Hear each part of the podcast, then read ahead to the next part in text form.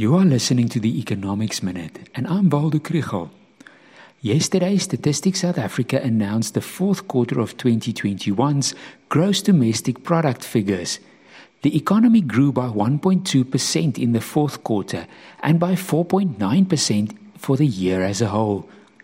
Exports made a strong contribution to growth, and household consumption expenditure was also recovering.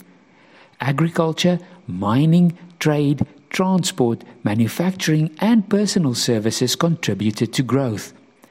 Investment was positive but still subdued. This bit of positive momentum was also brought into the new year, as evidenced by the purchasing managers' indices and car sales. The war in Ukraine is a setback for the recovery of the South African economy.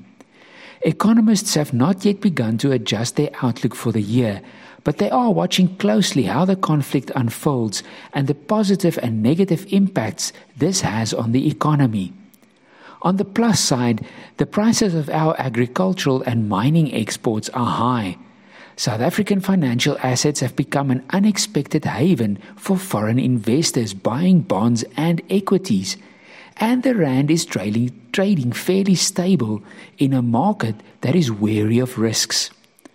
On the downside, the oil price soared and the US announced energy sanctions last night. The fuel price is one of our input costs that is going to increase sharply.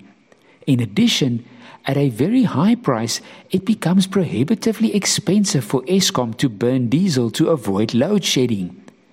High food and fuel prices will drive up inflation, which in turn will require higher interest rates and will negatively affect consumer spending. When the war clouds gather, they also darken the outlook for the economy.